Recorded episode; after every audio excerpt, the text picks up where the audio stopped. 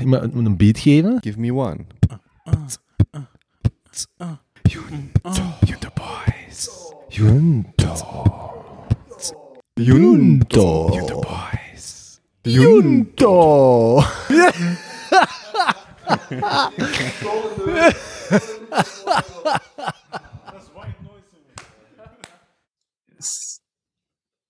Dat stem ik hem altijd. Dat is alsof we er een vierde bij hebben eigenlijk. Een madame erbij, dat zou ook nog iets zijn. Ja, ja. Dat moeten we misschien ook maar eens doen. Af en toe een beetje tegengewicht. Misschien moeten we de manager er eens bij uitnodigen. Of Marie Wijnands. Hoe? Oh. Ik kan geen twee dagen zonder die naam te horen. Hè. Het weekend ook al. Zou, zou Marie Wijnands komen als we die uitnodigen? Ik weet dat niet. Ik denk dat niet. Dat de kans klein is. Ik denk dat dat we ons netwerk daarvoor moeten inzetten om dat klaar te spelen. Gaïssa kent die sinds dit weekend. Ah ja, dat is juist. Ja. Ja, die kent die echt. Die zit er echt regelmatig bij aan tafel. Bo, dit is niet echt boeiend voor de luisteraars, hè? Boys, aflevering 63. Hoppakee. Nog eens remote. Nog eens remote. Ehm, ik ging gewoon direct met de housekeeping beginnen. Ehm, misschien een vrij obvious puntje, maar ehm, ja, het wekelijkse opnemen. Hè? Mhm. We, hebben vorige, we hebben vorige week de eerste Interboys crisis gehad. Een beetje op zoek naar onszelf. Voor de zoveelste keer. En, en elkaar. En elkaar. Ja. Beetje op zoek naar onze discipline. Ja, vooral daar. Vooral daar. Maar bon, we gaan niet opnieuw beginnen natuurlijk. Maar wat is, is er nu eigenlijk iets beslist? Er is veel gezegd, maar uiteindelijk... Ja, ik denk dat, er, dat we hebben afgesproken met, dat de wekelijkse opnames eh, een beetje utopisch waren. Eh, dus daar zijn we dan vorige week mee afge, afgerond. Maar dan zijn we op weekend geweest dit weekend naar Luxemburg. En dan kwam ik komende een keer af met een idee van één week remote, één week bij hem in de studio. En dat is nu nog iets dat hangende is. eh, en wat we dus verder moeten eh, consolideren. Ja. Nee, vastleggen. Definiëren. Perfect. We got Ja. it. Alright. Maar dus, luister, beste luisteraars, eh, ik denk dat je nu u mocht verwachten aan een ehm, ja, één week wel, één week niet voorlopig scenario terug. We gaan vooral niet te veel beloven en kom gezellig mee op deze ontdekkingsreis. eh, waar we weer op zoek gaan naar een format. Amai, dat, is echt, dat was eigenlijk echt goed. Zeg Als je ooit zo boos bent, dan kun je nog kinderboeken gaan inlezen, joh. Dat is goed. Goed om te weten dat ik een fallback job heb. Altijd blij. Fan. Plan B. Oké. Eh, ik heb hier nog twee andere housekeeping puntjes staan. De derde live show. Die staat wel live. Dus Ah ja, kunnen ze al boeken. Eh, ja, denk het wel. Dus als je dit hoort, eh, beste... we hebben zo geen naam voor als audience, hè? Jun- Juntonis? Jun- Junties? Juntot. Juntotjes. Vraag aan de manager of een, om een poll te doen op een Insta. Ik denk Ja. dat er eh, Ja. leuke, leuke inzendingen gaan komen. Publieksparticipatie.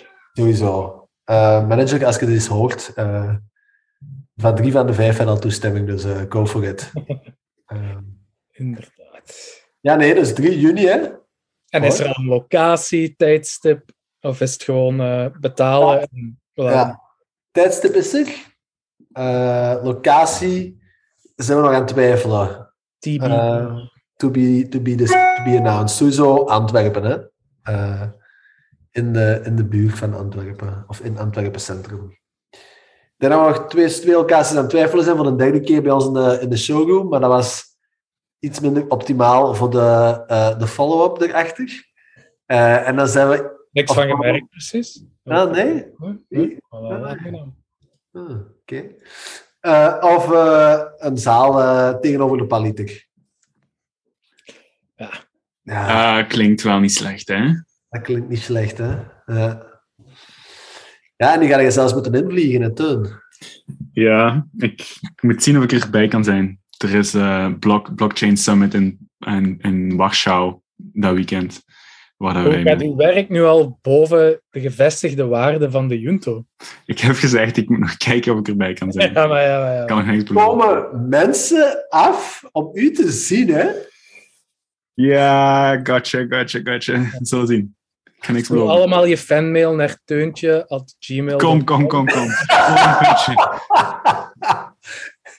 Eh, Oké, ehm, oh, ik hem opmaken, maar ik ga het niet doen. Ehm, goed, eh, eh, en dan als laatste heb ik hier de... eh, ja, we hebben zo dat Kiva-team gestart. Hè, het Hunter Boys Kiva-team. En dat is leuk. Het is al voor meer dan 400 dollar uitgeleend aan eh, voor, voorlopig nog 100% vrouwen in de derde wereldlanden. eh microleningen, zodat die kunnen ondernemen en ehm, ja, Dat is al een economische... bedrag, hè? Ja, dat is al iets, hè? Mhm. Ja. Ik was toen die aflevering niet bij, maar hadden we een, een target gezet of gewoon een open... Nee. Ja, dat is zoiets dat kan gewoon blijven doorlopen, hè? Allee, dat is echt dat, till, till eternity. Maar geen gekke weddenschappen dit keer. We hebben achterwege gelaten. Ik sta altijd open voor een weddenschap. Doe maar een voorstel. Maar je hebt maar zoveel tenen om een tattoo op te zetten. Hè. Ja, ik weet eigenlijk niet wat die al op de website staat. Hoeveel jaar was dat nu weer? Dat we voor 500 mensen moesten kunnen live? Drie Dat moeten we terug opzoeken. Door het archief scrollen. En dan komen we daar Ja. zeker wel achter. Oké, jongens, doe een voorstel. Dan kunnen wij een appel of een ander pakken. Een voorstel van? Hoeveel dat we gaan kunnen uitlenen met het Junto Boys Kiva-team in de komende 12 maanden. In de komende twaalf maanden. We zijn nu aan 400 geraakt op eh, een maand en een klets. Ja, Ja, we gaan er gewoon maal 10 doen, hè? 4000 In de 12 maanden. in de 12 maanden. binnen de 12 maanden. En wat, is, wat staat er op de wetenschap?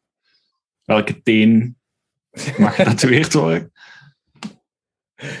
Eh, gaan we weer voor tattoos? Kunnen we niks anders? Ik vind, dat we, ik vind dat we een extra bijdrage. Degene die dat verliest, moet 100 euro van zijn spaargeld er mee bij insteken. En je zit dat niet kwijt, hè, voor alle duidelijkheid. Maar gewoon in het potje daar in plaats van op je spaarrekening.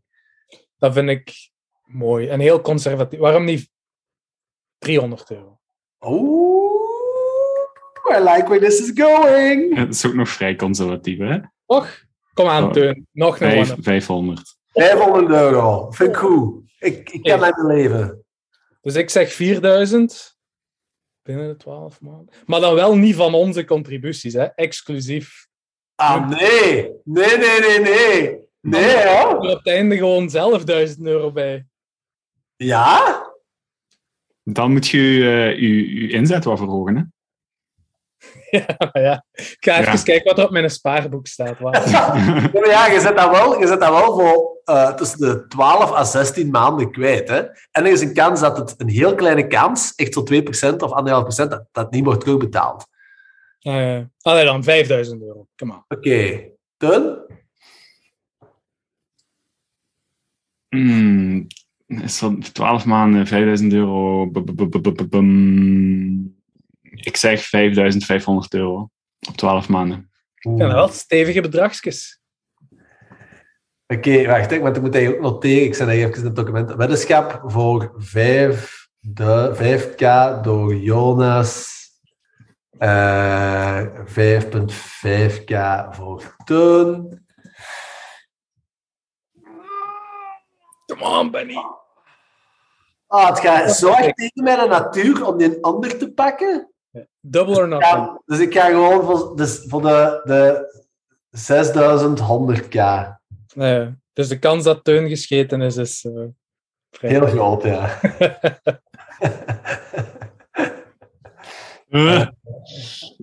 Echt, even een andere wetenschap. Eh, ja. COVID Safety Cat, is er nog van toepassing in België? Oeh, je zei niet, dat is juist. Was dat een wetenschap? Ja, zeker. Oh, dat heb ik precies niet meegehad. Weddenschappen. Ehm Ik had de under dat we voor mei er vanaf waren. weddenschappen voor de opheffing van het Corona Safety Cat. Teun, voor mei 2022. Penny tussen mei en juni 2022. Jonas na mei 2022. Verliezers moeten een bak duvel aan de winnaar. Eh, Teun, komt er maar op pikken. Ik, hoop, ik zal hem, ik zal hem een aandacht heen gaan halen. We zullen hem bij de live show klaarzetten. Ja, dat vind ik een goeie. Ja, mooi. Mooi. Lekkere housekeeping. Direct een wenschap erbij heb geknald. Ja, lekker. Op de live show bak duvel op de kosten van de verliezers. Hè? Zeer goed. Alright. Nog iets, boys. Ik denk het niet, hè. Ik denk dat we genoeg nummertjes afgerateld hebben. Alright. Dan gaan we er gewoon in vliegen, hè. Hoe is het ermee? Hoogtepuntjes, stressjes? Hier gaat alles heel goed. Lekker, lekker weertje, chill leventje, simpel leventje. Er is niet veel aan de gang buiten werk en surfen. Ehm, en dat surfen is mee ook mijn hoogte en mijn, eh, mijn, mijn hoogtepunt en mijn stressje. Bum. waar moet ik beginnen? Ik denk dat veel mensen een verkeerd beeld hebben van surfen als zo de, de meest chille hippie-activiteit van de gemiddelde Hawaiiaan en, en Braziliaan of Fransoos. Maar in the very end is, ehm, is dat gewoon eh, vooral een bende eh, op zichzelf gefocuste gasten die in het water liggen en allemaal naar dezelfde golf zijn aan het kijken, want er zijn maar een gelimiteerd aantal golven in zo'n sessie.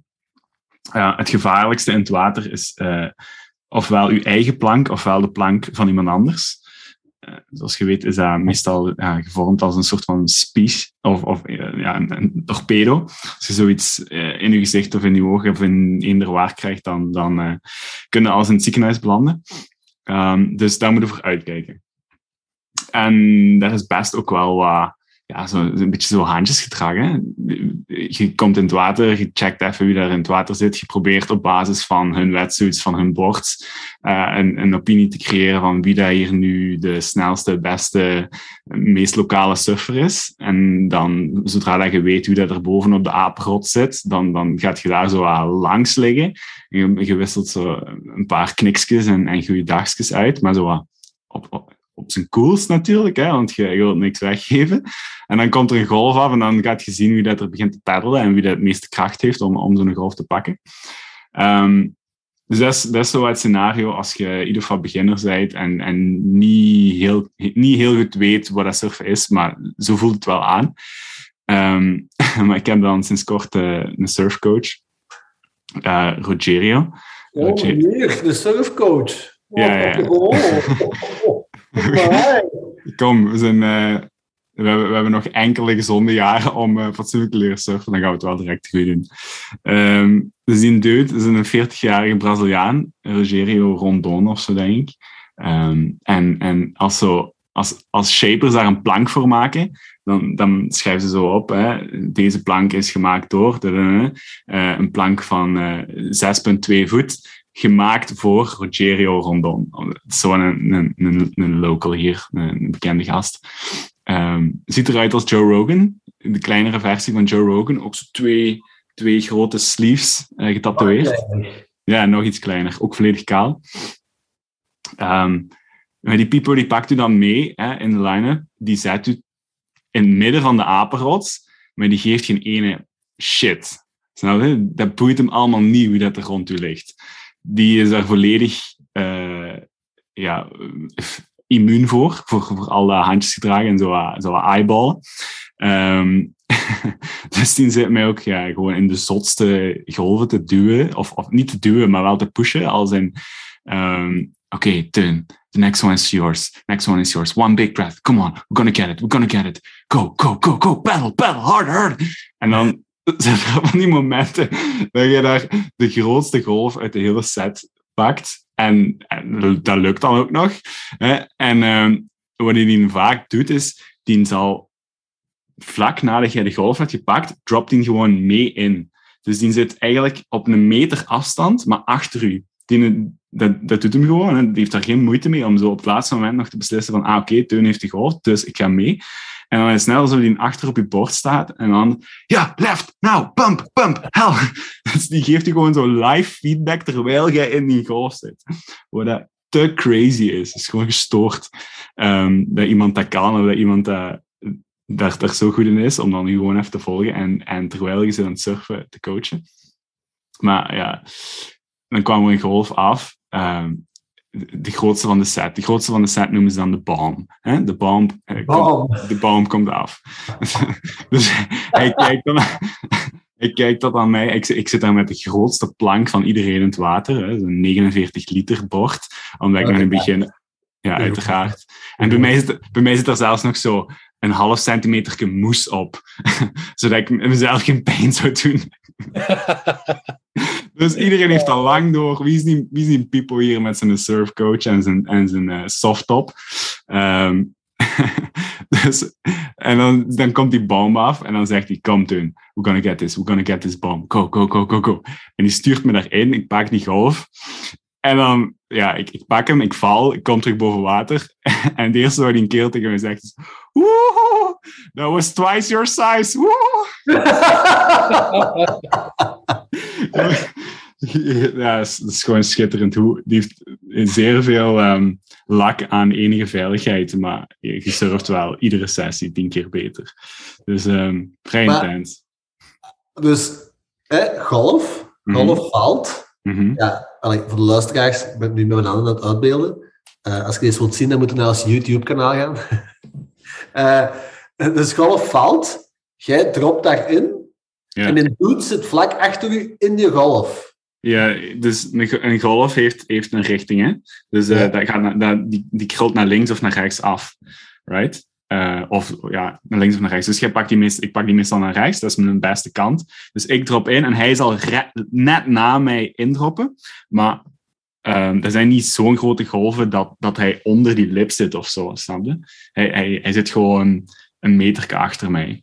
Oké, maar als jij dan eh, eh, als eh, rookie softtopper eh, Ja. een foutje maakt en je gaat op je bakkes en een dude zit een meter achter u, die surft toch keihard over u? Mm, Ja, maar dat is een van de meest gestoorde dingen waar ik ook echt nog niet bij kan. De, ehm, de reactiesnelheid van goede surfers is ronduit gestoord. Het is echt gestoord hoe, wat een cruciale beslissingen dat die mannen soms maken. Ehm, qua uit de golf gaan, onder de lip gaan, eh je bord naar een of andere kant wegduwen, dat is echt ronduit gestoord. En ik denk dat, dat, is, dat is, je, je wordt echt zo op, op, op eh, helemaal op alert gezet. Het is gewoon één grote rush aan adrenaline die, die loskomt als je die golf hebt gepakt. En ja, veel gasten zeggen ook van de tijd vertraagt, et cetera, et cetera. Maar die mannen die weten heel goed wat ze doen. Die heeft er geen probleem mee om eh, mij een beetje als een, als een hondje aan een leiband de golf te laten pakken. Je zou kunnen zeggen als de puppy aan een leiband eigenlijk. Ja, dat, is- dat zou de, zou de bekans kunnen zeggen. En hoe ben je eigenlijk bij die kerel uitgekomen? Of waar heb je die gevonden? Dus het huis Ik waar heb ik een beetje gevonden. Eh, nee, het, is, wel echt tof met hem. Is, we hebben een goede, een goede klik. Ehm, ik heb hier gevraagd aan het huis waar ik eh, nu logeer, of waar ik nu verblijf. Dus dat is eh, een surfhostel. M- Het is wel off-season, dus ik zit hier maar met één, twee andere gasten. Ehm, ik had gevraagd van, hey, kennen jullie iemand lokaal die, die, die surfcoaching zou kunnen geven? Dus ik geef me zijn adres. En zij zeggen van, ah ja, hier is Rogerio. Local legend, gaat daar eens mee babbelen. En dan eh afgesproken, ja. Was, eh, hij was blij dat ik... eh, ik, nou, ik ben niet meer super beginner. Ik kan, ik kan mijn eigen golven pakken en zo. Dus dan heeft hij er ook iets aan, snap je? Hij kan ook surfen als we samen in het water liggen. Maar die, Ja. die, die, die wringt mij wel helemaal uit, laat ik het zo zeggen. En hoe vaak doe je dat dan nu per dag, per week?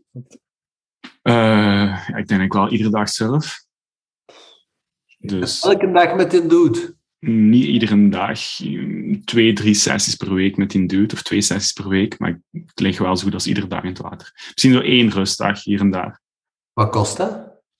Eh, ik denk dat ik nu ergens op 200 euro voor zes sessies of zo zit. Nou ja. Zo. En Zo zo'n van nog, sessie, hè? dat een halve dag of een paar uur. Nee, dat is, dat is anderhalf uur, twee uur of zo. Maar ik heb ook mijn eigen materiaal, anders zou dat wel wat duurder worden natuurlijk. Ja. Zeg, een van uw doelstellingen om dit te doen was toch om in de shape van uw leven te komen, hè? Ja, dat is de doel voor dit jaar. Hè? Fitter than ever. Lukt dat? Ja, tuurlijk. Ja? Ja, dat gaat wel lukken, maar het is nog afzien nu. Ik heb nog altijd geen conditie, maar dat gaat zeker lukken. Oké. Ja. Alright. Dus, ehm, ladies, voor de 1 juni. Dat van zijn leven, hè? Yo. Zeg jij, Benjamin. Hoe gaat het met u? Ehm, goed, ja. Ehm pittige weken op het werk gehad, maar wel voldoeninggevend. Ehm en dus de vorige week zo'n paar keer ook gedacht, eigenlijk echt een hoogtepuntje was, was om zo... ja, we zijn met een klein team, hè, dus we zijn met vier mensen fulltime. En nu hebben we daar vorige week eh een stagiair bij gekregen en gisteren nog eens twee. Dus nu in één keer zijn we zo met eh, zeven man. Ehm, maar het is eigenlijk heel mooi geweest de laatste weken om te zien dat we met zo'n heel klein team van vier mensen, en dus, dus één iemand staat nu ook quasi fulltime op de werf bij ons. En dan, ehm, ja, ik doe sales marketing en dan zijn er nog Axel en iemand anders die daar alles doen van de ontwerpen, de offertes, product verder optimaliseren. En dat is zo mooi eigenlijk om nu te ervaren dat als je zo de juiste mensen op de juiste plaats zet, en dan hebben we nu echt heel hard het gevoel dat dat zo eigenlijk echt helemaal, dat je puzzel zo wat... Kennen zo dat je een puzzel aan het maken bent en dat je zo soms een puzzelstukje net, dat je dat eruit ziet dat het er zou moeten inpassen, maar dat zit er niet helemaal juist in en dat voelt zo een beetje kut. Weet je wat ik bedoel? Ja, ja. Ja, dat is er nu echt helemaal niet meer. Het voelt echt alsof dat elk puzzelstukje zo, zo... Als je het erop legt, dat het er zo zelf van zijn eigen zo in giet, inschuift. Ehm, dus ja, die puzzel is zo helemaal de laatste weken in elkaar geklikt of zo. En dan is dat eigenlijk heel mooi en voldoeninggevend om te zien wat wij kunnen verzetten op eh, relatief kleine, ja, relatief korte tijd met zo'n klein team. Dat is eigenlijk echt zalig. En één specifiek voorbeeld wat nu is gebeurd, is dat ja, wij maken SAMS. Ehm, voor de nieuwe luisteraars, dat is eh, een slim, eh, slimme aanpasbare module. Dus dat is eigenlijk een modulair meubel waarin al uw technieken zitten. Keuken, badkamer, ventilatie, verwarming, elektriciteit. En dat tekenen wij helemaal digitaal uit met onze eigen software. En dan prefabriceren wij dat in een fabriek en installeren we dat op heel korte tijd in een appartement meestal. Of in appartementen. Uh, dus nu zijn we twintig appartementen aan het doen in Brussel. En waar we nu de laatste weken op hebben een sprintje getrokken, wat heel cool is, is we hebben software gemaakt, al anderhalf jaar terug. Maar dat is CAD-software. Hè? Dat zullen jullie ook wel kennen. Uh, dus dat is gewoon voor het, het ontwerpmatige te doen van uh, de SAM. En nu hebben we de laatste maanden heel veel gewerkt op standaardisatie van al die elementen. En om eigenlijk de CAD-ontwerpen rechtstreeks te laten communiceren met de CAM-ontwerpen. Dus dat we uh, eigenlijk een ontwerp dat we nu in CAD hebben staan, zelf, hier ook, bij ons op het bureau, kunnen gaan omzetten naar uh, uh, een CAM-tekening. Wat is een CAM-tekening? CAM is dus Computer Assisted Manufacturing, denk ik dat de ja. afkorting is. En daar ja. staat eigenlijk, je hebt, je hebt bijvoorbeeld wij maken ons SAM-ontwerpen in SketchUp, met onze configurator. Maar dan om die tekening die daar staat in een digitale 3D-omgeving te gaan omzetten naar eigenlijk de uh, digitale aansturing van de, van de productie, die daar in Turnhout zit. Dat is zo'n heel grote fabriek die daar ja, gigantische hoeveelheden aan meubilair kan produceren, volledig geautomatiseerd. Hè. Dus dat is echt een robot in dat het er zo oplegt tot... Ja, dat echt heel ver. Maar die robots moeten wel weten wat dat ze exact op de millimeter moeten produceren. Dus je moet eigenlijk die CAD 3D-tekening op een 2D-veld gaan uitdrukken met de op juiste plaatsen, bijvoorbeeld alle CNC-boringen, hoe diep dat die mogen zijn. En daar zit ook opnieuw een heel ander softwarepakket achter. En die vertaalslag tussen CAD en CAM is iets waar we nu heel hard op hebben gewerkt. En nu gaan we binnen twee weken een klein samenke zetten in Antwerpen. Um, in de, de, de, slachte, de slachthuis daar, ergens, uh, in de winkel. Ja, de, de slachthuis zitten zo daar aan, aan het Sportpaleis. En dat is nu de eerste keer dat we eigenlijk dus van dat katontwerp het helemaal zelf hebben omgezet naar een kamontwerp. En dat wij het eigenlijk vanuit hier, in ons bureau, hè, een luchthaven in Antwerpen, productieapparatuur in Turnhout quasi kunnen in gang zetten. Er gaat nog altijd wel iemand vandaag even nakijken en zo, maar we hebben dit ontwerp volledig zelf gedaan. Um, ja, en dat is gewoon heel cool om zo heel dat traject te zien van... We zijn bij CAD begonnen hebben daar standaardisatie op doorgevoerd. We hebben daar dan, kunnen daar nu ontwerpen mee maken om zo heel dat traject te zien tot eigenlijk echt, ja, dat je de volledige cyclus kunt beginnen te doen, of het volledige traject. Ja, dat is heel gaaf. Ehm, en dat is voor mij nogmaals een bewijs van zo de juiste persoon op de juiste plaats is echt heel veel waard. Ehm, ze zeggen dat, dat zo de... En Jonas, je het dit weekend ook over gehad, hè, dat ze de, de juiste ingenieur op de juiste plaats het team kan vervangen. Ja. En, eh, Inderdaad. Ja, je, ziet dat ook heel veel in, eh, in software development. Hè. Als je zo een team hebt van tien man en er zitten er twee, wat was dat weer, Pareto-principe. Dat Ja. 20% van de developers doen 80% van het werk. En je ziet dat overal, denk ik. Ik denk niet dat ik al bij een bedrijf ben geweest waar dat niet het geval is. En je hoopt dan altijd dat je een volledig team kunt bouwen uit alleen van die mensen. Mij is het nog nooit gelukt, maar ik ben heel blij dat jij eh, dan je topteam gevonden hebt om er zo achter te zitten. Ja, uw, uw, uw, allee, het is het ook over. Uw maatstaf van wat je verwacht natuurlijk schuift altijd op. Hè. Ja, ja, tuurlijk. Ja. Dus dat is, dan, dat is dan natuurlijk ook de kracht van zo'n team. Je, zeker als je ook een goed evaluatiesysteem hebt, je verwacht altijd meer en meer. En dan, Er wordt nog een koude douche als je van eh 8 naar 20 gaat schalen. ja, waarschijnlijk. Met hoeveel zit je nu? Ja, vier fulltime en dan drie Ah, ja. strijkers nu. Dus er is nog wel wat traject dat moet afleggen. Hè. Maar dat is denk ik de uitdaging, hè, om inderdaad niet te willen ja, toegeven op die kwaliteit of zo, of, of om dat, of, om dat gewoon goed te kunnen schalen. Ehm, Mhm. Ik denk dat heel veel start-ups misschien de neiging hebben om zo meer man naar een probleem te smijten, terwijl dat dan volgens mij niet altijd de juiste oplossing is of zo. Ja, klopt volledig. Maar is dat dan niet waar jullie vooral mee bezig zijn nu? Dat schalen, als je zegt heel dat proces standaardiseren en automatiseren. Is er, is er dan de volgende stap voor bouwliving in zicht? Of gewoon als voorbereiding? Ja, dat is gewoon allemaal expertise dat we in huis moesten gaan trekken. Hè? Want als wij... ehm, ja, nu waren wij afhankelijk van de tekening, alleen van de CAM-tekenaars van onze producent. Mhm. Ehm, ja, dat hebben we nu intern getrokken. Dus dat is een kost dat wegvalt, externe kost dat wegvalt. En dat wij zelf ook efficiënties kunnen gaan doorvoegen. En dat de feedback loops ook korter worden. Hè? Want wat we nu kunnen doen, is iemand bij ons op de werf, dus iemand van ons vier, hè, de projectleidster, op de werf, die ziet, ja, vandaag moesten we het dan op een lijst zetten en aan het einde van dat project eh, konden we dan in de, de, de debrief meeting met de producent dat gaan aanpassen in het, in het CAM-ontwerp. Ja, nu is dat gewoon, die ziet, die stikt dat op de lijst en misschien een week later is dat al aangepast in het CAM-ontwerp. En bij de volgende offerte dat we aan het maken zijn. Dus die feedback loops worden veel korter.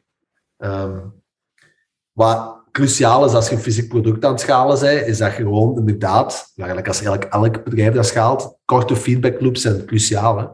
Ja, ja, zeker weten. En lijkt me heel lastig in de bouw, dus chapeau dat, dat, eh, dat je dat erin hebt gekregen.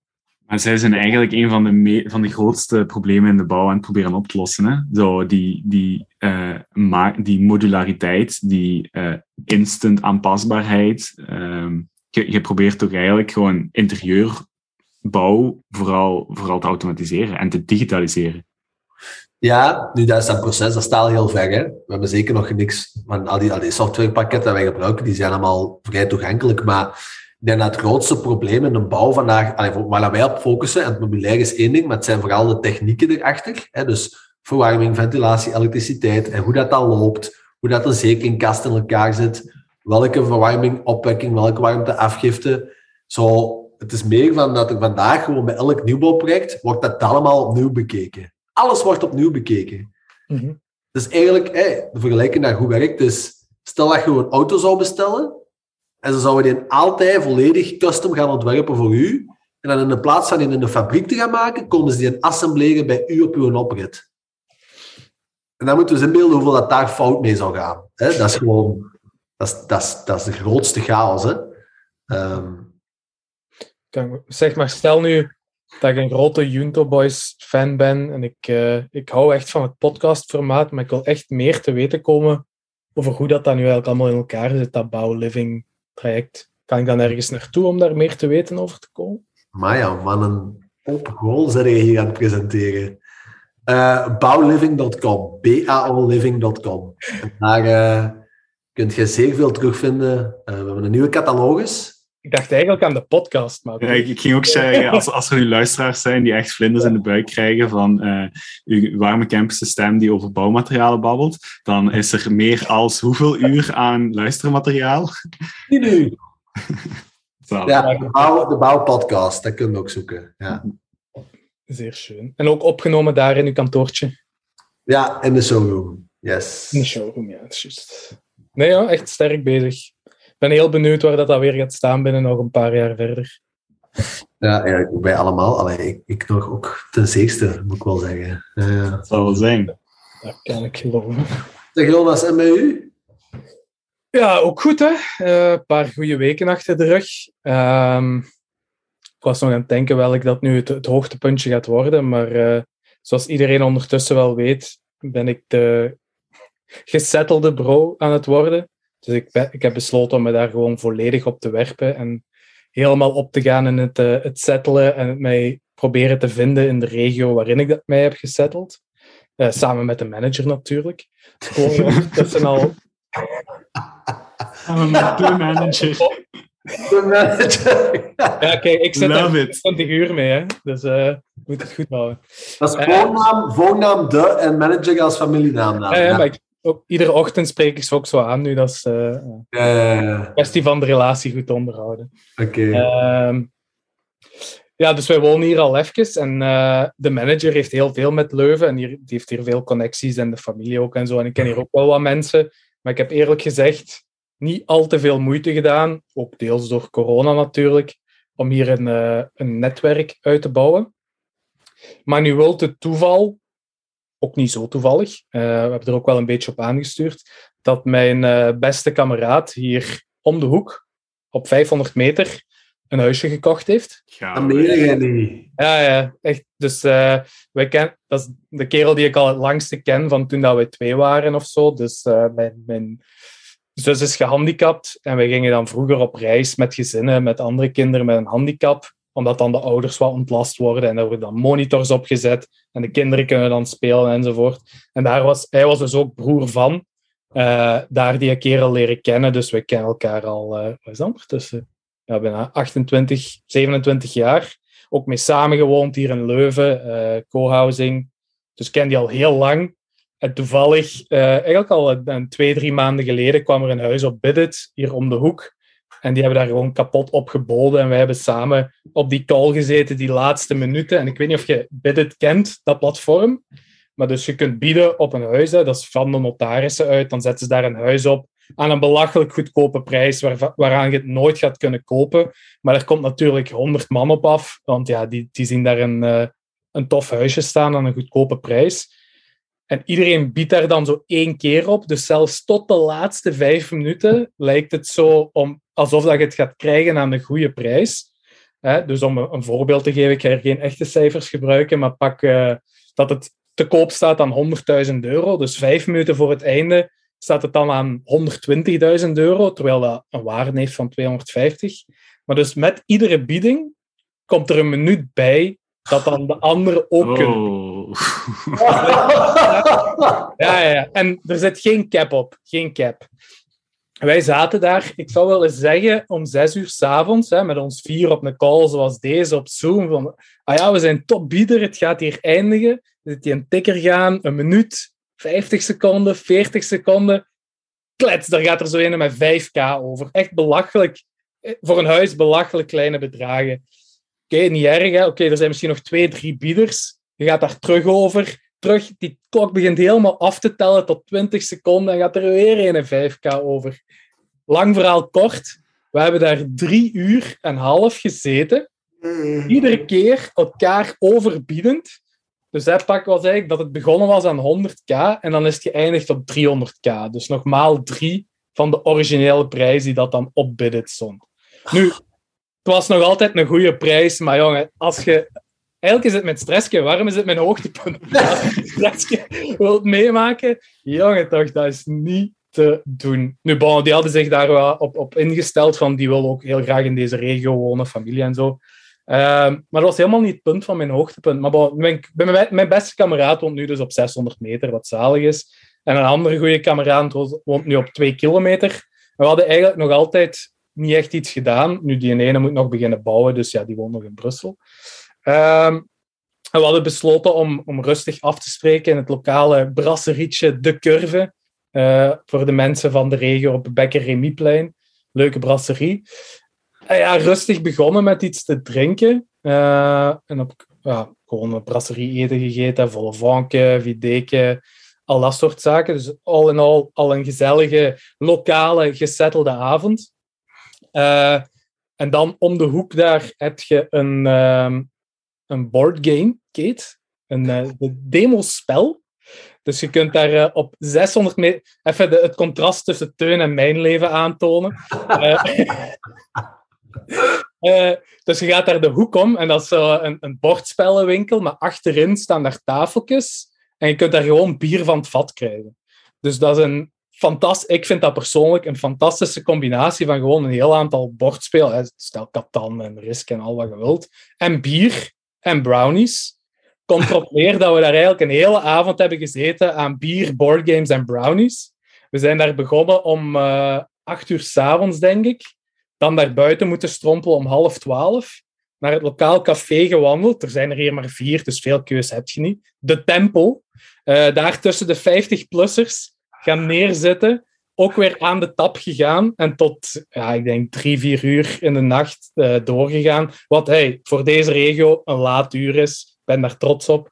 En dan rustig terug naar huis gewandeld. De hele kilometer terug naar huis. Eh, en dat was toch een zwaar hoogtepuntje. Gewoon zo echt die corona van ons af. Het gesettelde leven, elkaar terug leren kennen. Dat was prachtig. Moet niet altijd in het buitenland zijn. Dus eh, ja, echt van genoten eigenlijk. Gewoon terug zo het, gewone leven. Vond ik wel leuk. Is mooi. Dat is mooi om te horen, Jonas. Ja. Wat je, wat je nu wel nog zo zou kunnen doen, je kunt zo twee lege blikken met een touw tussen elkaar spannen naar om de hoek en dan kunnen blijven babbelen. Dat is echt... Dus wij woonden al op, eh, op, die, ja, op een paar kilometer in Limburg. Dan verhuisd naar Leuven. Ik een jaar later ook bij hem gaan wonen. En nu, dan is hij naar Brussel verhuisd, ik naar Antwerpen. En nu alle twee terug naar Leuven. Dus eh, ja, ja, bromance is real. Ik had nog wel een klein hoogtepuntje dat ik toch ook zeker wil aanhalen op de podcast. Ik ben voor de eerste keer herkend geweest in real life. Ja, dat is juist. Ook wel heel bizar, hè?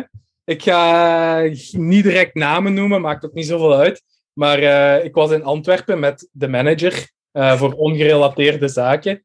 En eh, ja, we waren gewoon rustig iets gaan eten en ik ging afrekenen. En ja, er, er zei iemand gewoon tegen mij: Ja, eh zet jij niet toevallig eh, Jonas? Ik, ik wist toch niet waar het over ging. Ik zeg: ja, ja, ja, ik ben Jonas. Waarom misschien? Ah ja, ja, ik herkende uw stem van de Junto.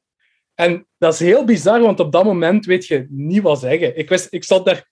Ah ja, dank u. Dank u. ah, je, je hebt echt geen woorden nu. Uiteindelijk is dat wel wat, wat losgelopen. Dan gevraagd, ah ja, luistert je een beetje, hoe komt het, bla bla bla. Gewoon een heel, is echt een heel bizar moment. Nu, Kobe heeft wel een kleine VIP, tr- eh, een, BV-training gegeven op, eh, op het weekend. Want natuurlijk, de heer van Reppelen wordt om de haverklap herkend. Hè. Ja, kan niet anders met eh, twee succesvolle shows. zoveel materiaal, ja, dan, dan word al wel eens herkend. En blijkbaar is de truc eh, dat als je niet goed weet wat zeggen, dat je gewoon vraagt, ah ja, en wat is uw naam? En dat je dan zo daarmee die relatie wat opbouwt en dan direct ook de, de, het gesprek kunt exiten met allee, aangename kennismaking. En dan kun je gewoon verder gaan met je leven en is er zo geen awkward sfeertje. Dus volgende keer, als iemand van ons herkend wordt, gewoon de naam vragen. En Dat is goed dat ik dat weet. Ik denk, eh, tegen dat jij herkend gaat worden in Frankrijk of in Lissabon, dan moet ik er nog wel serieus wat gebogen zijn. Oh wel. Dan moet het minstens wekelijks opgenomen worden. Minstens. Sowieso. Stel je Maar- voor. Ik was trouwens aan het denken, Jonas, dat als je dat vertelde tijdens de wandeling dit weekend, dat er komen ook nog wel een vrij hilarische anekdote vertellen daarover.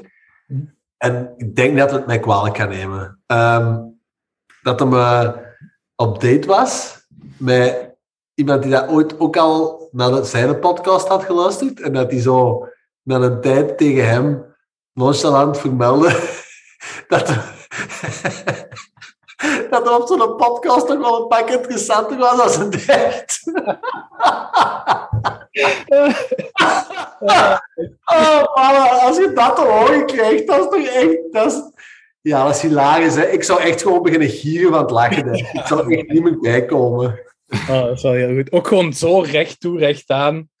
Gewoon op ingaan, dat is prachtig. Maar eh, hij heeft toch eens een keer meegemaakt dat er iemand zei: Maar waarom babbelt je niet zoals op je podcast nu? Ja, ja. ja, er kunnen heel veel dingen op zeggen natuurlijk. Hè. Dat is- Ja. Maar ik kan er ook wel in komen. Dit is zo een, een forum waarin dat je over topics kunt praten waar je iets van kent en waar, ja, waar je over kunt blijven doorbomen. Als je op café zit met iemand, gaat je niet beginnen over de oorlog in Oekraïne of eh, cryptocurrency investments. Of misschien moet hij dat wel doen, dan vindt hem... eh, Ja. dat is misschien nog niet slecht. Anyway, waren er ook nog stressjes? Ja, maar ik denk, dat, ik denk eh, dat ik ja, van mij ga parkeren voor, eh voor volgende keer. Want we anders misschien iets te lang bij die hoogtepuntjes en stressjes blijven hangen. Hè? Wat Ja. jullie? Die van mij was een two-in-one. Top. Let's go. Alright. Ehm, dat je toch minstens twee vragen kunnen behandelen. Hè? Ehm, Paul, boys, vraag 2. Hè? Heb je recent een noemenswaardig essay, boek of podcast gelezen of gehoord dat je opmerkelijk of geschikt vindt om aan de junto te communiceren in de moraliteit, business, natuurkunde of andere delen van de algemene kennis? Steun! Ah, ik mag wel beginnen. Away! Oké, ehm, let's talk NFT's. ja, er is echt een heel interessante gebeurd. Ik ga het proberen zo, ehm, zo toegankelijk mogelijk te maken voor iedereen die niet balsdiep in crypto zit ehm, en een leven heeft. Ehm, dus eh, wat is er afgelopen week gebeurd? Ik denk dat het zelfs al twee weken geleden is ondertussen. CryptoPunks zijn overgekocht door Bored Apes. Dus, ofwel zegt... Ja, effectief. Dus ofwel zegt u dat iets, ofwel niet. Maar eh, om een beetje duiding te geven... ehm CryptoPunks zijn de, eh, ja, de meest historische, de meest eh, waardevolle, zou je ook wel kunnen zeggen, de meest historische NFT die tot nu toe bestond. Ehm, dus dat is een, eh, een collectie van 10.000 gepixelde mannetjes, ehm, met 10 stuks alien, aliens in en 10 stuks aapjes in. Ehm, en die collectie, die CryptoPunks, ja, dat, dat heeft gewoon NFT's op de, op de wereldkaart gezet. Dat is in 2017 uitgekomen en momenteel wordt een CryptoPunk verkocht tussen de 350.000 euro tot 23 miljoen voor de allerduurste. Ah, fuck. 23 miljoen voor de Ik had allerduurste. geen idee dat dat zo hoog stond. hoor. Ja, dat is Is dat in 2017 uitgekomen ook? Ja, ja, 2017. Toen kon je die gratis minten. Ah. Gratis, ja. Ehm, Oh. Er is ergens een aflevering, ik denk ehm, ergens aflevering bij 42, eh, 38 of zo, waar Kobe, jij en ik zijn aan het babbelen of dat we al dan niet nog een CryptoPunk zouden moeten kopen, omdat hem op 3000 euro staat. Dat is niet waar. 100%. Die aflevering is er. Die aflevering is er. Oké, Dus- dus, wacht, dus misschien even tussendoor. Eh, beste luisteraars, als je dus op de hoogte wilt blijven van echt de beste hot eh, NFT-tips, is er maar één ding dat je moet doen, hè. Listen to the Junto Boys. Not investment advice, though. Ja, voilà. Vooral, this is not investment. Dat, Ja. dat is duidelijk, denk ik. Maar echt, Junto, hebben we dat echt besproken toen? Ja, ja, 100%. 100%. Oh, nee. Er is ergens een aflevering ehm, waarin dat Kobe zegt, goh, ja, ik, zou, ik heb er nog aan gedacht om eentje te kopen, maar ja, die staan al op 3000 euro. En dan zeggen wij allemaal, 3000 euro, oh my god. Die worden nu verkocht voor 23 miljoen, right? Dus ehm, exponential stuff goes exponential. Ehm, wat is er nu aan het gebeuren? Of wat is er gebeurd? Hè? CryptoPunks bestonden. Wat was er speciaal aan CryptoPunks? Iedere eigenaar van zo'n NFT, en uiteindelijk, hè, je, je zit niet meer dan de eigenaar van een bepaalde token waar een JPEG aan gekoppeld is, die had geen commerciële rechten op die NFT. Ehm, dan is er Board Ape Yacht Club eh, op de prop gekomen, die geïnspireerd door de CryptoPunks ook een collectie van 10.000 eh, enkel aapjes, cartoon-aapjes, heeft uitgetekend. Cartoon-aapjes die eruit zien alsof ze zich een beetje vervelen, maar wel heel kekke outfitjes hebben en er gewoon best wel graaf uitzien. En eh, het eerste wat eh, de, de, de achterliggende artiesten van de Board Yacht Club hebben gedaan, is die hebben commerciële rechten verleend aan iedere eigenaar.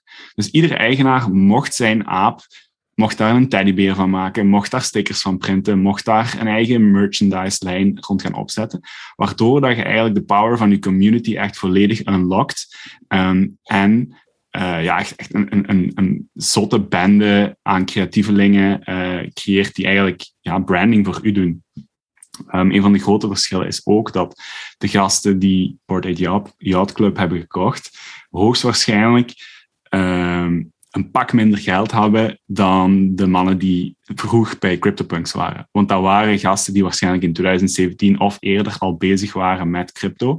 Dus die hun, die hun portefeuille of die hun portfolio is sowieso al meegestegen, terwijl dat iedereen die zo'n een, een, een Board Ape, Ape had, um, waarschijnlijk ja, gewoon 90% van zijn totale uh, vermogen opgesloten zit in dat ene, in dat ene afbeeldingsje.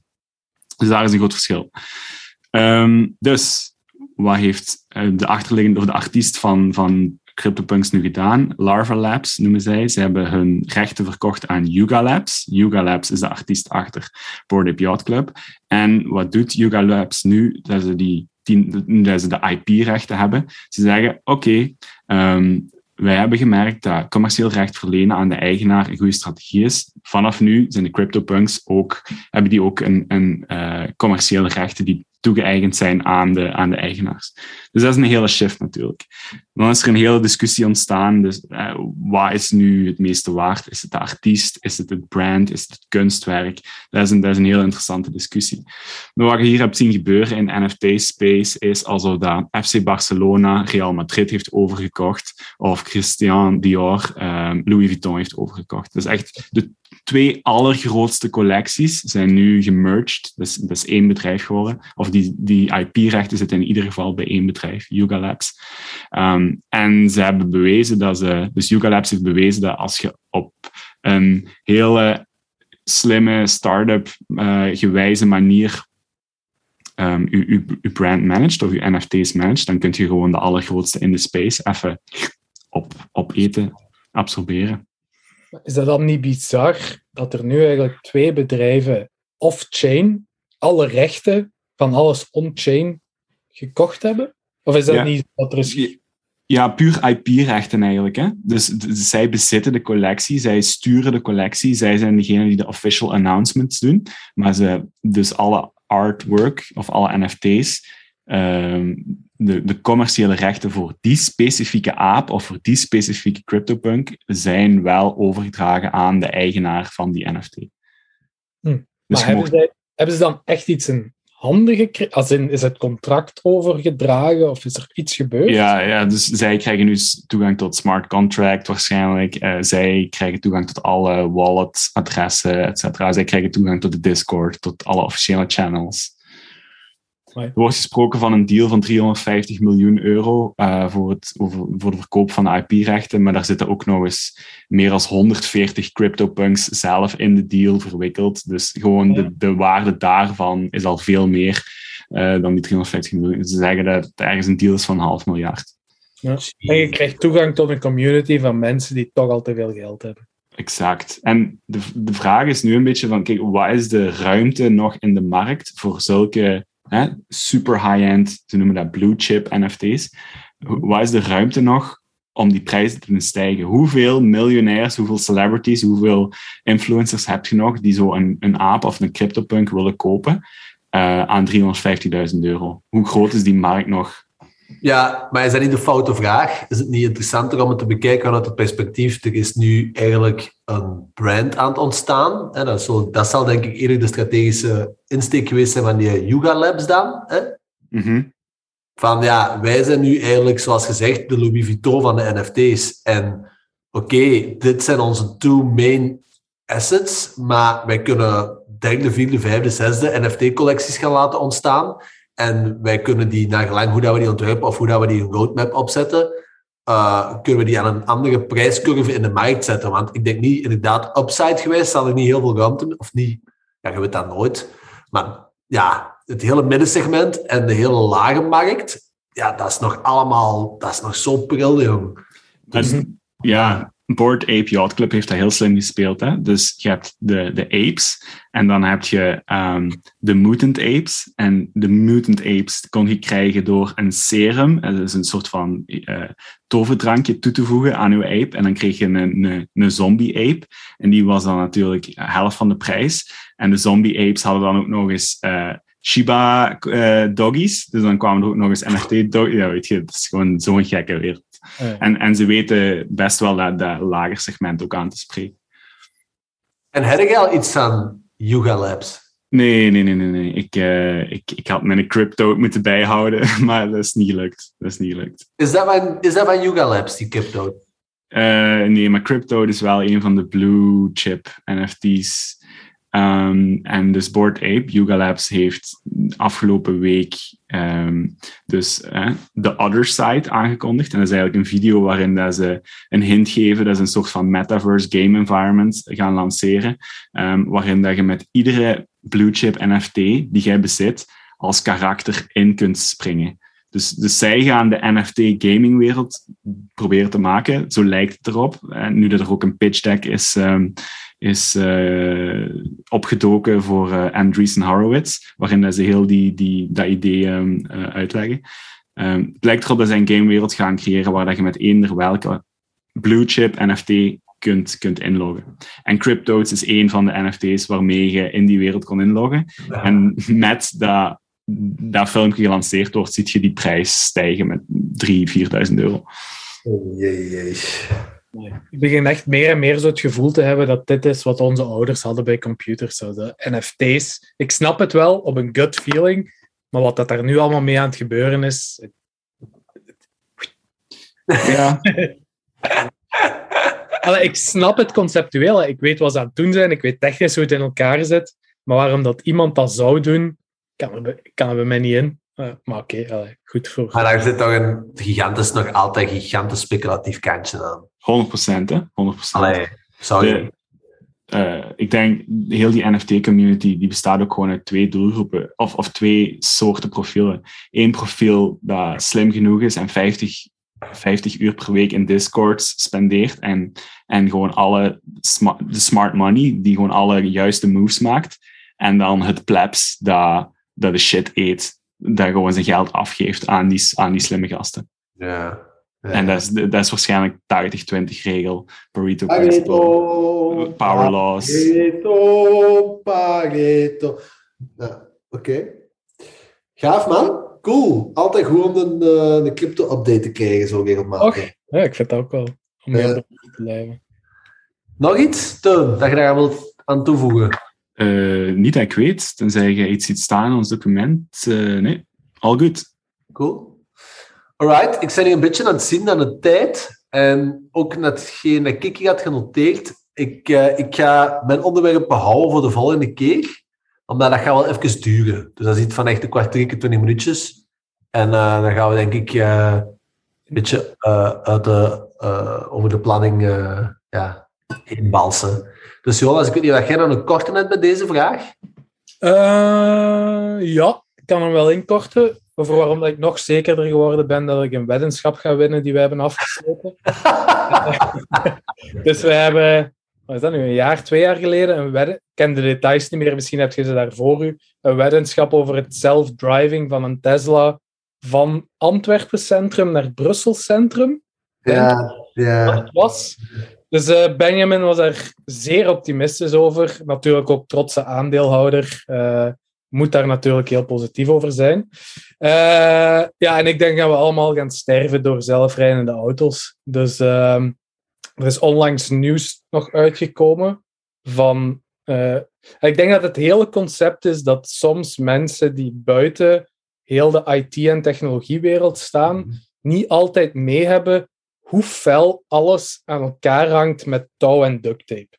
Dat het aan de frontzijde er allemaal heel mooi en flashy uit kan zien, maar dat het op de achterzijde allemaal maar net goed draait en blijft runnen. Een klein voorbeeld daarvan was, eh, ik denk dat het ondertussen al een maand geleden is, maar bij Mazda. Ehm, ja, die auto's zijn, of een bepaald type van die auto's zijn volledig beginnen te flippen. Nu, hoe is dat gekomen? Ik ga het eh, iets of wat kort houden hier. Is dat ehm, die hadden allemaal nog niet zo'n goede ondersteuning voor digitale radio, eh, de Mazda's. Dus, ehm, sorry? Ik heb dat gehoord, sorry. Ja, ja, maar. You know where this is going. Ja. Ehm, en eh, zoals je misschien zelf al weet, in modernere auto's, als jij naar een bepaalde zender gaat of eh, je wilt iets laten zien op een mediaconsole, dus als jij naar Q-Music gaat of zo, dan kan daar soms een afbeelding getoond worden van het, eh, het liedje dat afgespeeld wordt, of van het logo van, de, van het radiostation. Anyway, ze zijn zo ver dat omdat we niet meer op analoge signalen zitten, maar op digitale signalen, dat er eigenlijk van alle data meegestuurd kan worden terwijl uw liedje aan het spelen is. Een van die datapoints is een afbeelding die dat opgehaald kan worden. Ehm, en je weet dat, of je bent dat zeker al tegengekomen op het internet, als je zo rechtsklik doet op een afbeelding en je slaat dat op, dat heeft altijd een extensie. Dat is altijd een JPEG, een PNG, een whatever. Er zijn een aantal soorten.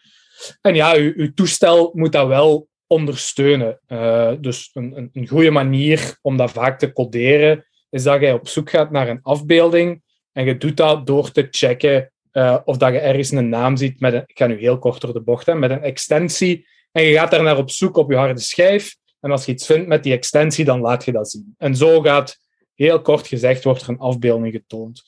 Nu, als er dan een bepaalde combinatie van factoren is waar dat programma geen rekening mee had gehouden, dan kan dat wel eens volledig tits up gaan.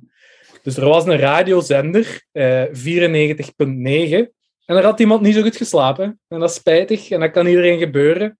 En die had zijn afbeeldingsjes klaargezet voor de dag, en die dacht, "Wa- we gaan aan de dag beginnen, gaan we plaatjes draaien, afbeeldingsjes laten zien. Die had die afbeeldingen opgeslaan, maar op de een of andere manier eh, waren die extensies niet mee. Dus in de plaats van dat je doorstuurt afbeelding 1.jpeg, werd er alleen meer gestuurd afbeelding. Die kerel begint gewoon zijn broadcast, maar wat doet hij effectief? Is die stuurt stromen van data uit naar alle auto's hè, die ingetuned zijn op hun zender. Die auto's nemen allemaal die data binnen. En ja, een beetje goed geprogrammeerde auto kan daarmee overweg. Maar jammer genoeg, de boys bij Mazda hadden er niet bij nagedacht dat er soms wel eens een afbeelding binnen kan komen zonder extensie. Met het resultaat dat er zo'n afbeelding op die harde schijf stond. Mazda denkt, oh, ik ga zoeken naar een afbeelding. Die vindt daar iets dat lijkt op een afbeelding, probeert te lezen wat de naam is, snapt niet wat de extensie is, want er is geen extensie, denkt, fuck, dit ken ik niet, sluit zichzelf af, de mediaconsole sluit zichzelf af, gaat volledig neer, de auto blijft rijden. Hè? Maar mediaconsole slaat af, start zichzelf terug op, heel mooi, start op, denkt, oh, liedje, oh, ik heb een afbeelding nodig, ik ga eens even kijken of een afbeelding hebt, kijk naar die afbeelding, ah, ken ik niet, sluit zichzelf af, start terug op. En dus eh, zo heeft, ik weet niet, dat waren echt sick veel auto's, zijn volledig in die loop geraakt, niet meer te repareren. Gewoon shit out of luck, kon je niks meer aan doen, mediaconsole volledig te vervangen. En fuck you, basically. Dat Dus je denk niet. ik, ja, als ze nog zo die dingen vinden in iets simpel als een afbeeldingsje laten zien op een radio, stel je voor dat dat ding gekoppeld was aan uw rijden. Dat, zelfrijdende auto's zijn nog zo ver weg, dat is zelfs niet meer funny. Eh, dus voilà, ja, kijk. Sorry, Benny, maar eh, denk dat je nog eens gaat mogen dokken. Eh, Hey, hey, hey, hey. Ik heb, nog niet- ik heb nog niet moeten dokken. Ik heb alleen nog maar mogen ontvangen, denk ik, als ik correct Ah zeg. ja, sorry. Je Eh, gaat eens mogen dokken dan. Ja, maar ehm ja, dat is een goed verhaal wel. Maar ik vind de logica-sprong van, omdat er ene keer iets, right, oké, fundamenteel wel fout gaat, in een derde gangs eh, Japanse scheidauto, dat je dat dan zomaar, eh, sorry alle Mitsubishi-eigenaars, ik ben er maar een beetje mee aan het extrapoleren, eh, alleen een beetje mee aan het, eh, aan het rammelen, maar dat zou ik als zeggen, ah ja, er is ooit een vliegtuig neergestort door, wat waarschijnlijk ook al gebeurd gaat zijn, door een bug in de software van het vliegtuig. Dat alle vliegtuigen die daar nu de laatste decennia bij zelf, ja, hoeveel, procent van de vliegtuigen vandaag vliegen gewoon op een automatische piloot? Allee, ik wil niet zeggen dat er een exceptionele fout gebeurt, dat daarom het hele idee achter hetgeen dat je probeert te doen moet onderuit gehaald worden of zo. Misschien niet, maar ik denk dat mijn claim eerder is dat er duizenden dingen fout gaan per dag en dat we er maar heel weinig zien die dat effectief zo falikant fucked up zijn en, en alle auto's in de prak helpen. Eh, maar we zullen zien. Ja, zeker. Want ik eh, moet ook wel eerlijk zeggen dat ik ook wel meer en meer de foto's zie, of de filmpjes zie passeren op, eh, op Twitter van gasten die daar gewoon hun, hun dingen ingeven en zonder ene keer hun stuur te moeten aan te raken, ten Tesla zichzelf naar de eindbestemming navigeren. Ehm, dus heel goed. Dat is wel spannend. Het is goed, het is goed dat er zo'n nog altijd uiteenlopende meningen over zijn. Ja. Nou, zo, heb je gevonden wat de weddenschap was? Of niet opgezocht? Ja, maar ja, toen noteerde de Kobe nog, denk ik, de details op de website. Het enige dat hier nu staat is zelfrijdende autorit van Antwerpen naar Brussel.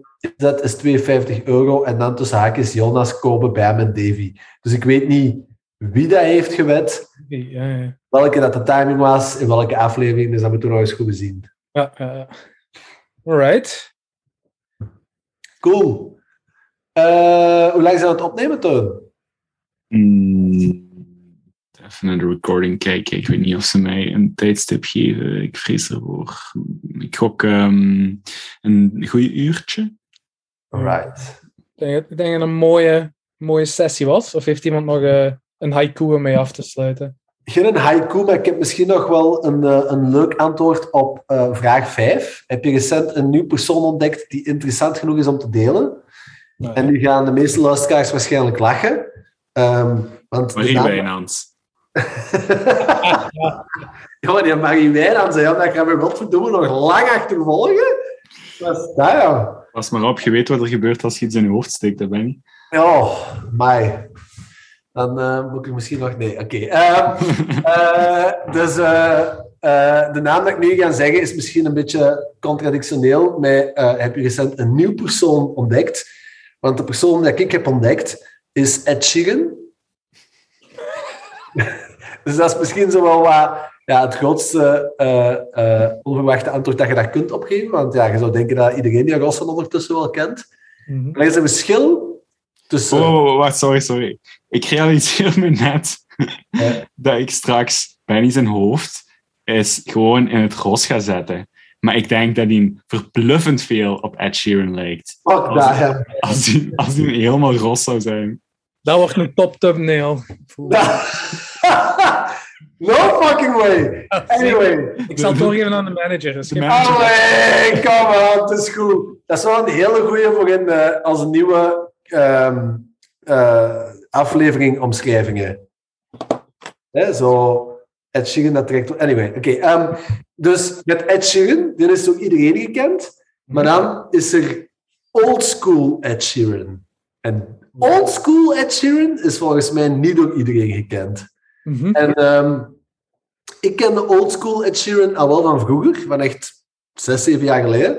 Maar zo'n paar weken geleden kwam ik op een zattenavond thuis. En wat ik zo wel eens een neiging toe heb als ik zo met een zatte ben, is om zo YouTube op te zetten en zo wat nummers te zoeken. Maar zo live versies. Zo tijdens mijn tanden te kussen nog wat na te staan shaken in de, in de badkamer. En eh, in één keer komen er ehm, ja, old school, eigenlijk old school, old school Sheeran komt opnieuw in mijn YouTube-playlist naar boven. Maar ik dat waarschijnlijk ooit al wel eens heb gezien. En ja, dat is echt... Ja, de huidige Ed Sheeran me niet veel. Old school Sheeran doet me echt veel. En wat definieert old school Ed Sheeran dan? Eh, ik denk eh, ja, minstens zes of zeven jaar oud. En een hoeveelheid aan, eh, vooral op zijn gitaar, allee, virtuositeit, dat je gewoon eigenlijk zelden of nooit hebt gezien. Het enige wat ik mee kan vergelijken bij sommige van die nummertjes, en ik zal ze ook zeker mee in de show notes zetten, is die een Ocean van John Butler. Zo echt een, een bekwaamheid van zijn instrument eh, en zijn loop pedal, waar dat je gewoon ja, al niks anders kunt. Ik stond op een duur gewoon echt met mijn tandenborstel gewoon wat te gapen naar wat dat hij eigenlijk aan het doen was. Gewoon, what the fuck, dat slaagt op niks. En dan heb ik dat opgezocht, dat was in dude zo 22 jaar toen, wat het allemaal nog tien keer zo geschrift maakt, want ik snap niet hoe dat je op die 22e zelfs een pure aantal juiste uren hebt kunnen insteken om zoiets te meesteren. Ehm, maar ja, er zijn dus drie voorbeelden. Ehm, ik heb ze genoteerd. En ja, doe weer een pleziertje en, eh, en, en bekijk die eens. Hè. Ik denk dat de meeste ook echt zo ja, 50 miljoen views hebben of zo. Dus Ja. misschien kennen je ze al wel. Ze. Mhm. Ehm, ja, hier. Ja, 53 miljoen views voor. eh, ja, Benny old school Ed Sheeran. En misschien om af te sluiten, als je nu zou kunnen zeggen dat je gaat volhouden en je ging je 10.000 uren op iets nieuws toespitsen, wat, wat, wat zou je dan wat zou je kiezen? Wat zou je doen? Voor mijn instrument, denk ik. Ja? Speelt je iets? Nee, maar ik twijfel altijd tussen piano of, of gitaar. Piano. Piano. Ja. Nee, ja. Eh, ja, surfen is, is de meest voor de hand liggende antwoord. Ehm, that's it, ja. Of course. Jonas? Ja, ik had zo rap nog geen antwoord. Ik was er naar jullie aan het wijzen om te hopen dat er wat tijd gerokken ging worden. Eh 10.000 uur. Ja, boogschieten heb ik altijd wel willen kunnen. Dat is wel gaaf. Ja, echt. Lijkt me toch wel vet. Maar met die achtertuin van u zou dat toch moeten lukken? Ja, dat is waar. Hier lopen ook af en toe zo wat kindjes voorbij. De plaatselijke Giro aan de boog geregen. Alright. Goed, boys. Ik ga eens iets klaarmaken voor het eten, want mijn, eh, mijn, eh, mijn buik is aan het eh, rommelen. Alright, fijne sessie, boys. Goed om jullie te spreken. Het was, eh, het was leuk. Inderdaad. Ciao, Goed. ciao. Bye bye. Bye-bye. Ik moet moet een beat geven. Give me one. Junto Boys. Junto. Junto. Junto Boys. Junto.